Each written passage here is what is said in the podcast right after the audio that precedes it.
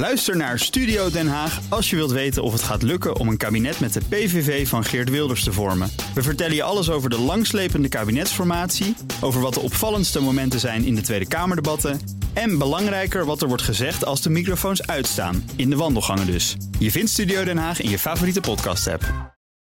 Ja, en dat was gisteren een grote dag hier. Want toen sprak onze buitenlandcommentator, columnist Bernard Hammelburg...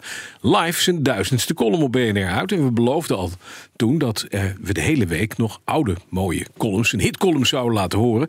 Dat gaan we uiteraard doen. Maar gisteren is hij ook nog uh, vereeuwigd. Al zijn columns zijn opgenomen in het uh, archief van Beeld en Geluid in Hilversum. En vandaag gaan we terug naar 30 januari 2008. Toen, vergeleken met nu, maar weinig mensen zich echt opwonden... over de wereldelite die samenkomen elk jaar in Davos... Alleen Bernard die had er wel een scherp oog op. De column van Bernard Hammelburg. George Soros, de multimiljardair en progressieve provocateur, waarschuwt dat de kans op een recessie nu echt reëel is. Bill Gates, 's werelds rijkste nerd, heeft een remedie: meer creatief kapitalisme, wat dat ook mogen wezen.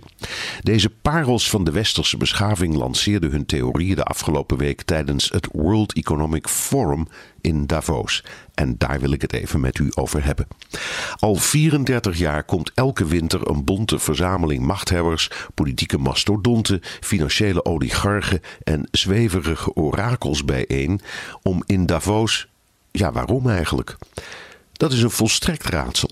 Het is een soort Bilderberg-conferentie, maar dan veel groter, oneindig veel poeniger en toegankelijk voor de media. Nou, die komen dan ook in drommen tegelijk toegestroomd en kiezen domicilie in spectaculair dure hotels om kont te doen van allerhande politieke losse vlodders, onuitvoerbare dromen, achterhaalde analyses en halve beloftes. Dit keer beloofden de ministers van Handel bijvoorbeeld dat ze voor Pasen gaan praten over een nieuwe Doha-ronde, dus over een nieuw verdrag binnen de Wereldhandelsorganisatie. Dat beloven die ministers elk jaar en er komt nooit iets van, maar geen hond die daarop let.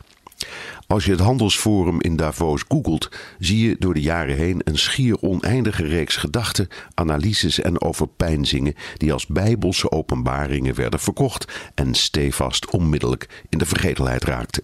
Het zou aardig zijn om eens uit te rekenen wat ondernemingen, media en regeringen er financieel zoal voor over hebben om dit wereldkampioenschap PC Hoofdstraatje spelen bij te wonen. Aardiger nog zou het zijn om eens na te gaan waar het allemaal voor dient. Een bijzonder aardige illustratie was de aankondiging van de Amerikaanse centrale bank dat de rente met driekwart procent omlaag ging in een poging de kredietcrisis te bezweren. En wat bleek? Van al die goeroes per privéjet ingevlogen miljardairs, overbetaalde gelegenheidssprekers en ministers was er niet één die van de ingreep van de Fed wist of het had zien aankomen.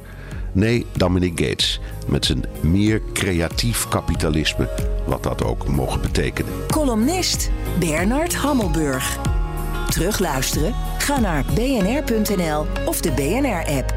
Nou, die hadden we toen ook al. Inderdaad, zeker. 2008 was dat. Je bent nu weer terug met beide benen op aarde op 2023.